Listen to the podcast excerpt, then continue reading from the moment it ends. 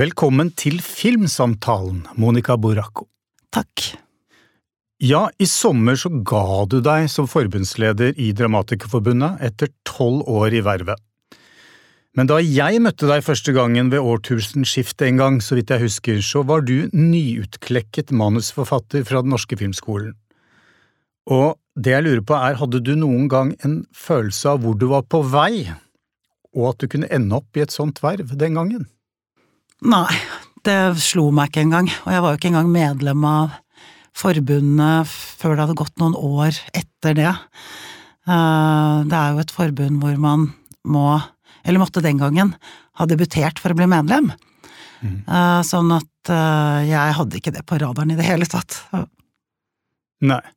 Så det ble på en måte noe som ble aktivisert gjennom å merke på kroppen selv hvordan forfatterne hadde det ved inngangen til årtusenskiftet, kanskje? Ja, ja, altså det er helt klart at eh, når man først kommer liksom innenfor en organisasjon og man blir mer bevisst, så er det jo sånn, har du det genet da, har du det politiske genet, eh, så er det jo fort gjort at man kan få litt eh, sånn overtenning og melde seg på til alt mulig. Men jeg ble jo veldig sånn aktivt rekruttert inn, da, det skal jo sies, mm. av liksom eldre medlemmer som jeg hadde hatt som Eh, lærer på filmskolen, mm. som rekrutterte meg veldig fort inn i styr og stell i forbundet. Mm. Da vi begge kom inn i denne bransjen, så sa man gjerne at uh, den ikke var større enn hva man kunne få plass til på Kunstnernes hus i Oslo.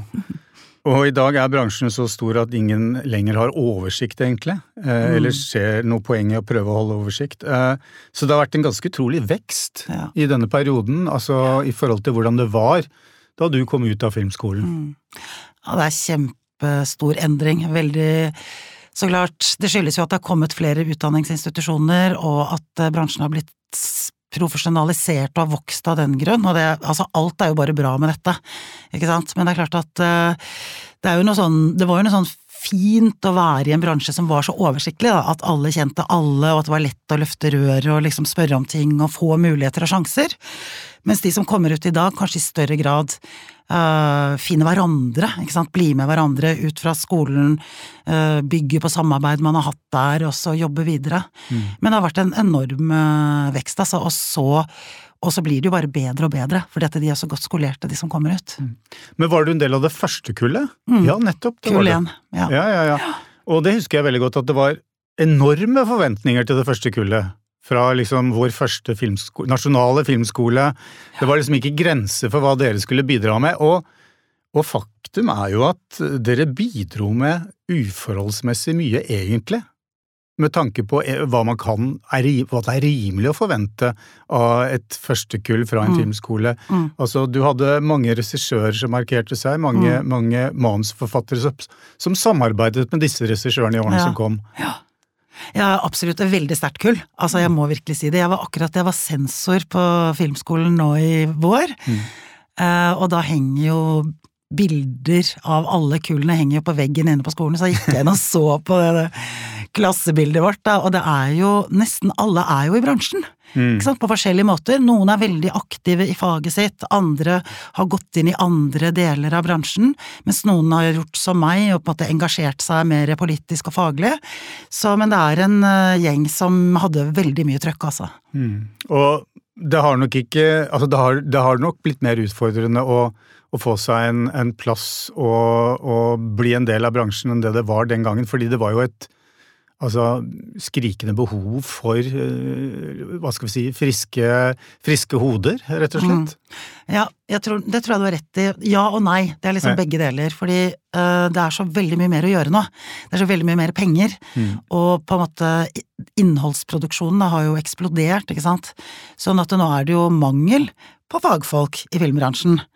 Eh, rett og slett, ikke sant. Det er jo et skrik, ja, ikke sant? Mm. skrikete filmarbeidere, manusforfattere, det er sånn virkelig sånn eh, Det er jo skapernes marked inn mot eh, ikke bare mot produsentene, men produsentene er jo et godt marked også inn mot kanaler og strømmetjenester, sånn at det er jo veldig bra tider nå også.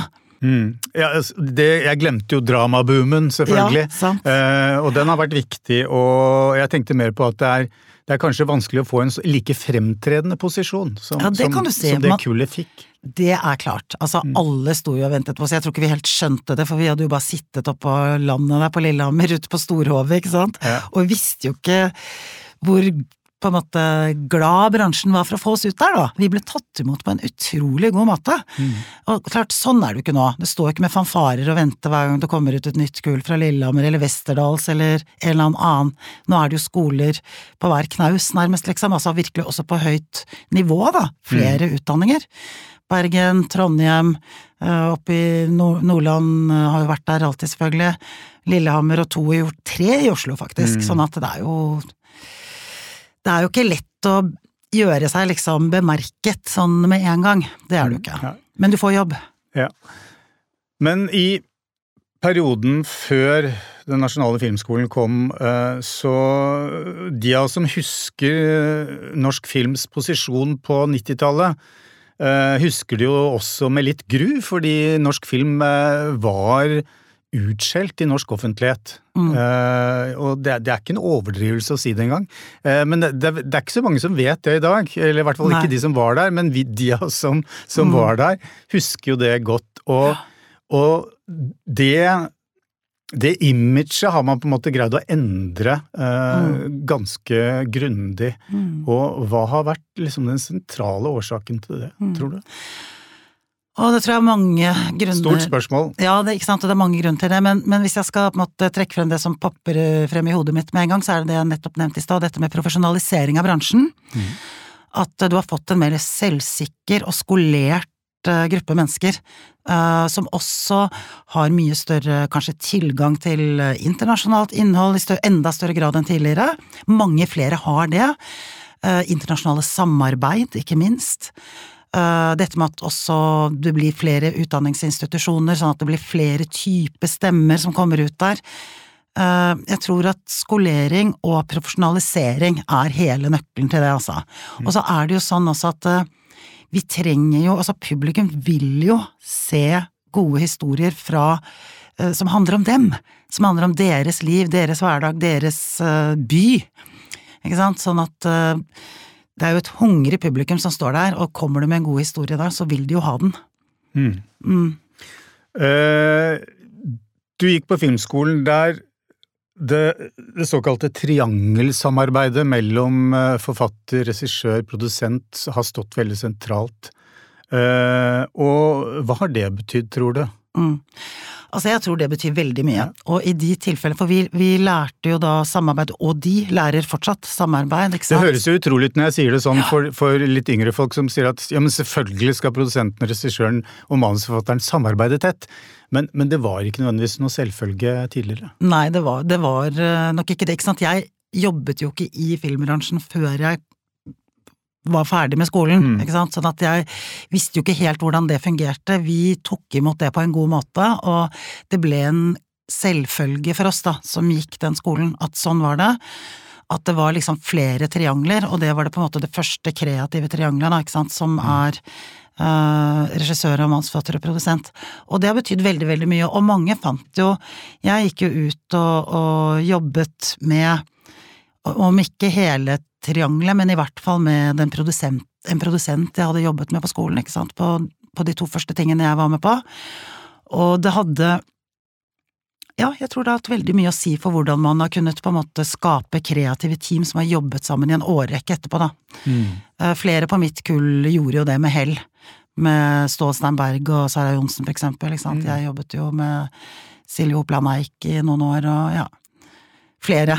Mm. Og så så man jo etter årtusenskiftet at eh, både regissørene, produsentene og manusforfatterne hver for seg på sett og vis ble tilgodesett gjennom tilskuddsordninger og så videre. Og hva har vært, hva har vært det største framskrittet for manusforfatterne? Altså hva I løpet av den perioden, hva Ja, altså tenker du på offentlige tilskuddsordninger, eller hva? Jeg tenker ikke Jeg tenker bare rett og slett på liksom Altså forfatternes status og, og på en måte de fikk en De fikk Altså etter årtusenskiftet så fikk de en ny mer toneangivende posisjon. Mm. Eh, og jeg husker jo det var mange debatter frontet blant annet av Erlend Lo, hvor, Mm. hvor forfatterne var på offensiven og, og ville ha større anerkjennelse som premissleverandører, da. Mm. Ja, og det, det er jo klart at uh, det er ikke noe tvil om at vi har fått. Og det er blitt gjort på mange måter. Det er blitt gjort med at uh, enkelte forfattere, som du trekker frem Erlend uh, Lona, og andre har gått i bresjen. Men det har også med å gjøre at det har vært en veldig sånn øh, bevisst Altså, det har ligget i handlingsplanen til Dramatikkforbundet hvert eneste år, da. Synliggjøring av forfattere, ikke sant, og hva heter det på godt norsk, altså sånn øh, styrke, empowerment, ikke sant, synliggjøre. Og vi har sett mye til USA, på Writers Guild of America, hvordan de på en måte jobber. De er jo liksom den sterkeste foreningen i Hollywood, ikke sant.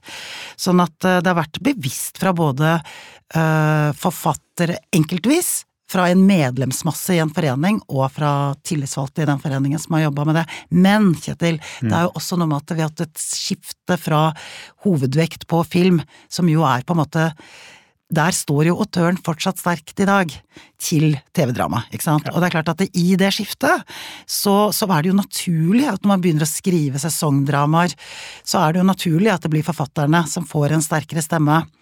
Og med fare for å snakke på inn- og utpust nå, så var det jo nettopp i 2012 at vi uh, i Dramatikerforbundet inviterte Piv Bernt uh, til uh, Norge. Dansk drama-nestor. Ikke sant? Eller heter det nestorinne? Nestorinnen Ja, ja. fra DR Drama, som til å da holde en seminardag for den norske bransjen, for å snakke om skriverom, for å snakke om for- One Vision, som det ble kalt da, da, og at den One Vision, den var det jo da forfatterne som skulle ha, ikke sant? Sånn at vi jobba jo veldig bevisst med dette her. Uh, og med, det var jo uh, Siv Reindram og Petter Rosenlund, som, altså, som da satt i styret i, i Dramatikerforbundet, som var egentlig motoren i å få til disse seminarene. Så jeg skal ikke ta kreden for det, men det var altså Dramatikerforbundet hadde da ved sine tillitsvalgte veldig sånn bevisst holdning til at nå må det skje en endring her. Mm. Og det gjorde det. Eh, Altså, eh, en annen vesentlig, hva skal vi si, dramatisk endring i Dramatikerforbundets nyere historie er jo det at dere ble en del av LO. Mm. Uh, og hvorfor var det nødvendig? Altså, og, og hva har det tilført forbundet? Mm. Nei, det er klart, da jeg eh, kom inn i Dramatikerforbundets styre for tolv år siden, så var vi jo en interesseorganisasjon og et laug, sant? Eh, hvor du ble lest og vurdert. Eh, de, du måtte sende inn et manuskript du hadde skrevet som hadde blitt produsert, og så skulle det da sitte en slags eh, sånn eh, dramatisk råd som skulle lese dette og se er dette bra nok, tommel opp eller tommel ned til at hun kan få lov å være medlem hos oss. Det var også en grunn til at det tok lang tid før jeg ble medlem, for jeg syntes det var så ekkelt, rett og slett. Uh, men men, men dette, dette lauget da, hadde veldig mye fint med seg, faglig fellesskap, og ikke sant, ikke minst, ja, ikke minst det, faglig fellesskap. Mens eh, da min forutsetning for å begynne å, å jobbe her, var at jeg ville ha en fagforening. Jeg ville ha en union, igjen altså, Writers Guild of America, mitt store forbilde, en union som kunne eh, fremme medlemmene sine interesser på en helt annen måte, og da snakker jeg om de økonomiske interessene til medlemmene. Og det tok jo noen år, ikke sant, det er jo en ganske stor, et stort skifte å gå fra å være et laug til å bli en fagforening med slagkraft, så det har jo tatt tid. Og det er ikke sånn at vi er 100% i mål enda, men nå har vi vært i LO i fire år, og vi har fått øh, Du vet at vi er jo ikke bare film og TV, vi er også teater, Ja. ikke sant, sånn at vi har tatt kampen egentlig hardest der, og, og fått nye forhandlingsparter der, med LO ved vår side, så forhandler vi nå med Spekter, ikke sant, og fått bedre avtaler og så videre. Sånn at det, det var viktig for å styrke manusforfatterens posisjon økonomisk og rettighetsmessig. Mm. Mm. Altså, Dramatikerforbundet, øh, det er mye historie i veggene der, og du kan si at altså, Dramatikerforbundets sjel ligger vel inni altså, veggene på teaterinstitusjonene et eller annet sted. Mm. Eh, Men så er det jo den realiteten at de aller fleste jobber med med audiovisuelle produksjoner, eller altså mm. film og TV-serier, da. Hva gjør det med, hva skal vi si, identiteten? Mm. Ja, det, eller, eller, fagfellesskapet, eller hva vi skal kalle ja, det. Det, det er et veldig interessant spørsmål, det. Altså, da kan jeg liksom starte med å si at uh, per i dag så er det sånn at ved, eller det vil si ved forrige undersøkelse, som er bare et års tid siden, så var det omtrent 70% av medlemmene våre som jobbet med begge deler. Så det er veldig mange som liksom skriver for teater eller radioteater, og som også da skriver TV-serier. Vegard Steir Steire og Amundsen, for eksempel, et uh, eksempel, ikke sant, på en av de yngre som holder på på den måten. Uh, sånn at det er mye crossover, og jeg tenker at medlemmene har veldig respekt for hverandre, og tenker at de har ting å lære av hverandre. Dramatikk er dramatikk, om det er på scene, eller om det er på lerret, eller på skjermen. Så er, en, så er det noe spesifikt ved dramatikk som alle våre medlemmer driver med det samme, på en måte. Så derfor har vi også Uh, fått medlemmer til å holde kurs for hverandre, for eksempel, i de forskjellige uttrykksmåtene. Så vi hadde scenedramatikere som hadde et halvt år da, med sånne helgesamlinger for å lære å skrive TV-serier, for eksempel. Sånn så kan man på en måte rekruttere over og si at ok, historien Et godt stykke dramatikk kan være på radioen, eller det kan være på TV, eller mm. på film, ikke sant.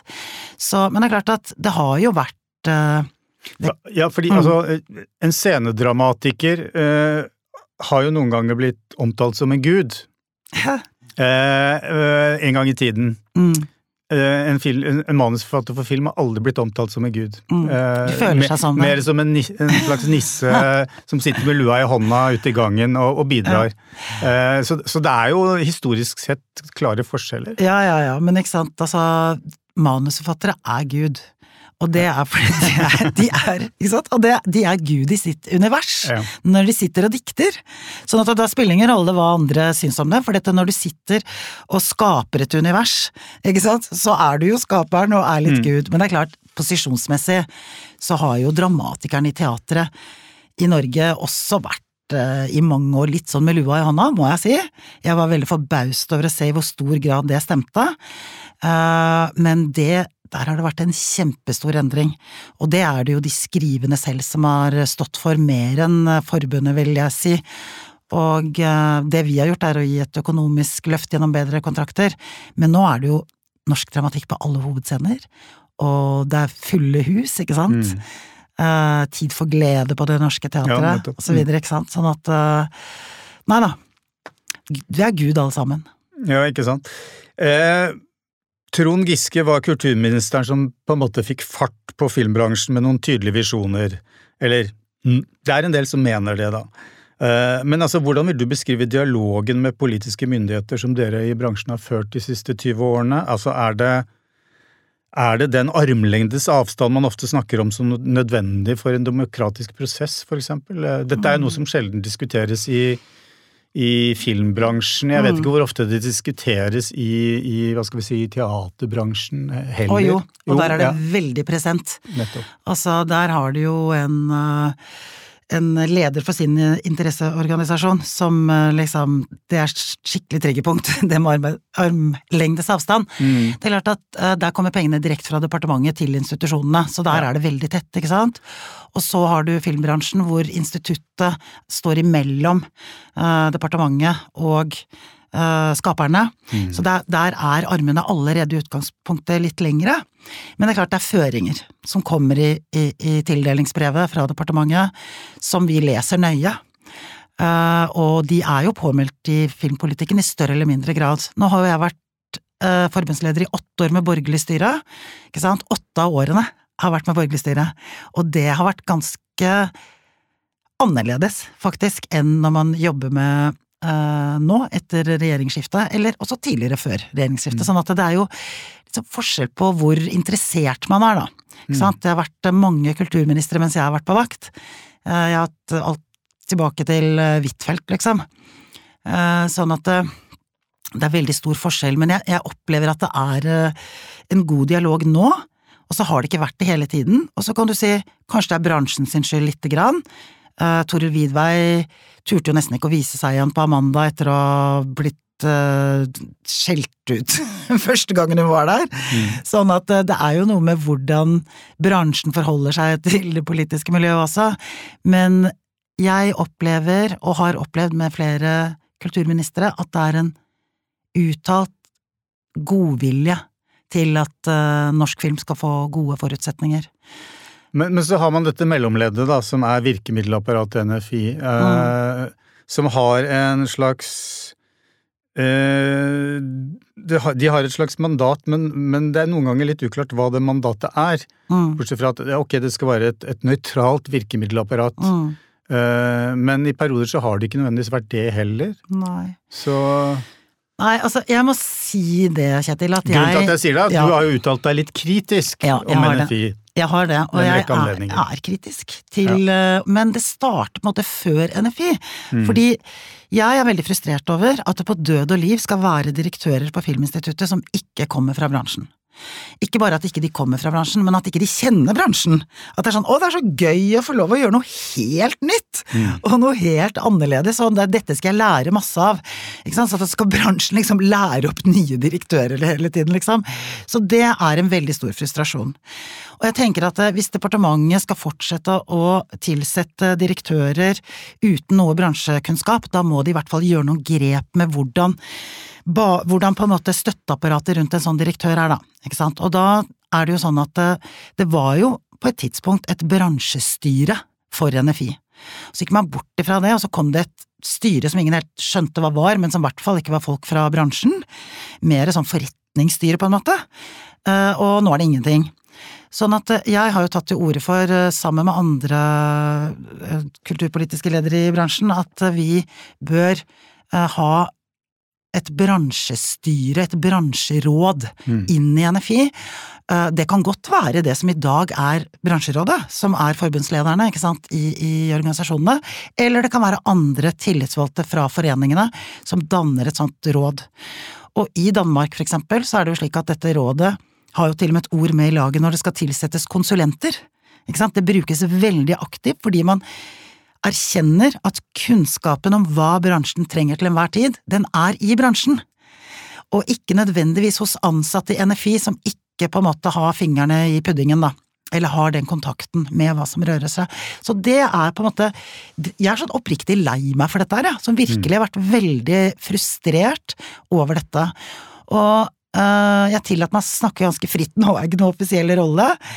Uh, men ja, vi har jo hatt såkalte kontaktmøter da med NFI i bransjerådet, hvor, med direktør og ledelse der.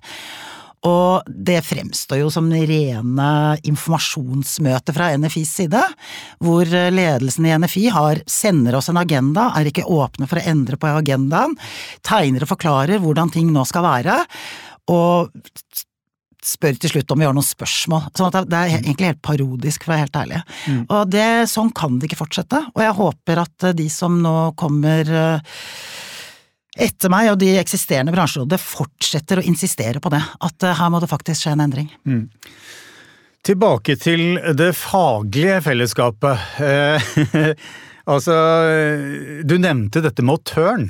Mm. Og det var Det begynner å bli mange år siden det var noen debatter om Turns rolle i norsk film. Jeg tror det var kanskje bare 12-15 år siden så var Erlend Lo igjen eh, på krigsstien i debatt med jeg tror det var Unni Straume om Turns eh, posisjon. Og nå i dag så er vel kanskje Altså eh, er serieskaperen den nye autøren, for å ja. sette litt på spissen. Eh, ja. og, og, og er det en Altså, hvordan, hvordan påvirker det den faglige enigheten innad i Dramatikkforbundet når du har eh, en ny type autør i anførselstegn som på en måte står over de andre forfatterne og, og ser på seg selv i en, i en slags særstilling? Mm, ja, ikke sant. Dette er jo veldig interessant samtale som kunne hatt en egen podkast om, Kjetil. ja. Uh, uh, altså, jeg tenker jo at nå som forfatterne har fått sin egen arena, da, mm. så er på en måte filmautøren kanskje ikke så uh, skremmende. Det er klart at for en som har tatt tre eller fem år utdanning som manusforfatter, så er det jo veldig skremmende å komme ut og si at oi, regissørene de skriver jo filmene sine selv. Dette var jo litt bortkastet, ikke sant, men nå er det jo et helt annet marked for forfattere.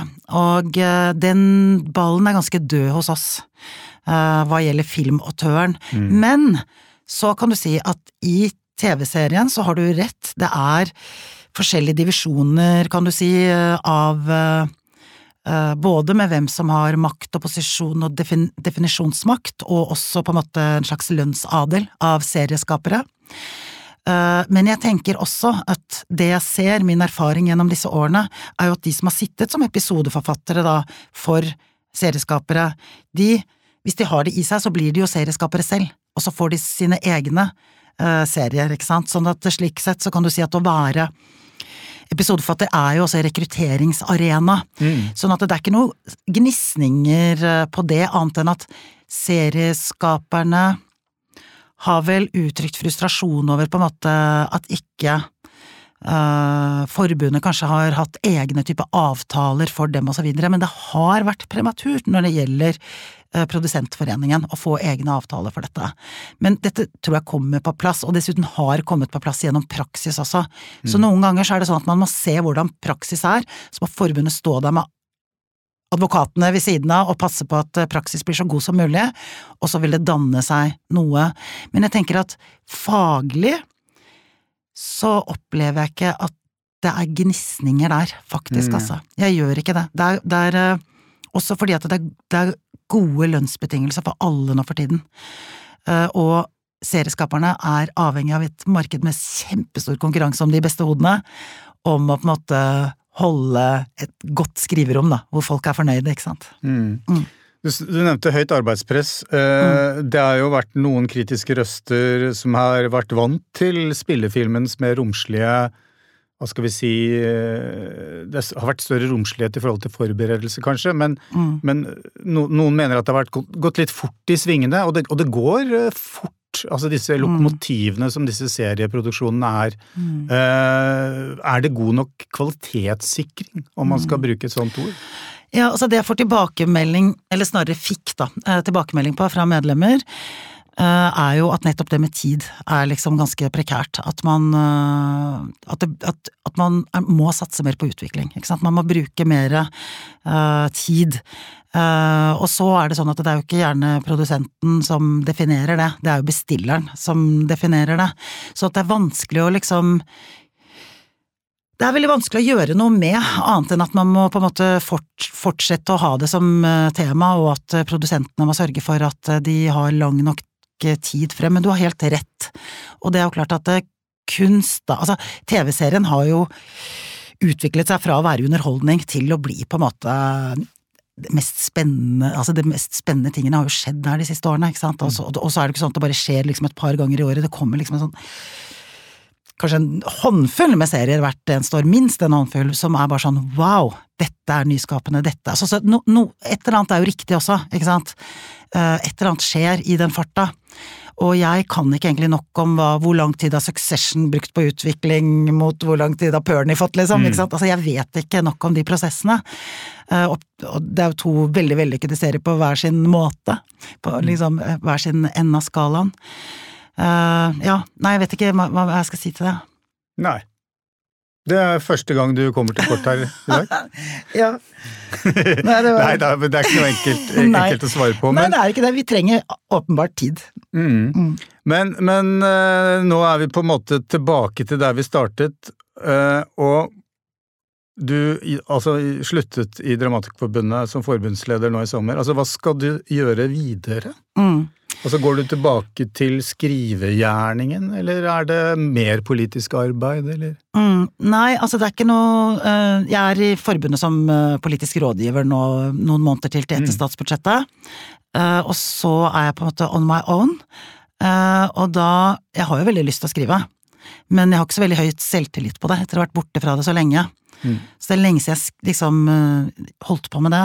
Så jeg hadde et opphold på Ona hvor vi har Mankel-huset vårt, ikke sant? Ona Onafyr, Ona Fyr, ja. Der har jo Dramatikerforbundet arvet jo et hus av Henning Mankel der. Så jeg hadde en uke der sammen med et par andre kolleger som jeg prøvde liksom å skrive en uke, og se om kan jeg dette her nå? Mm.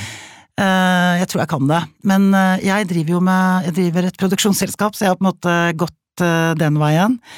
Som heter Applaus Scene. Som eh, driver med teatertransmisjoner og jeg vil si teaterfilmer, egentlig. Som har vært veldig spennende, og som har fått utvikle seg litt nå også gjennom pandemien, hvor vi fikk eksperimentere litt, for folk hadde litt bedre nettopp tid til det. Så, så det, det er på en måte Det er der jeg uh, er på lønningslista. Og så får jeg se om jeg klarer å skrive. Etter hvert. Vi hører nok mer fra deg, eh, Monica. Eh, tusen takk for at du ble med i Filmsamtalen. Mm, takk for at jeg fikk komme.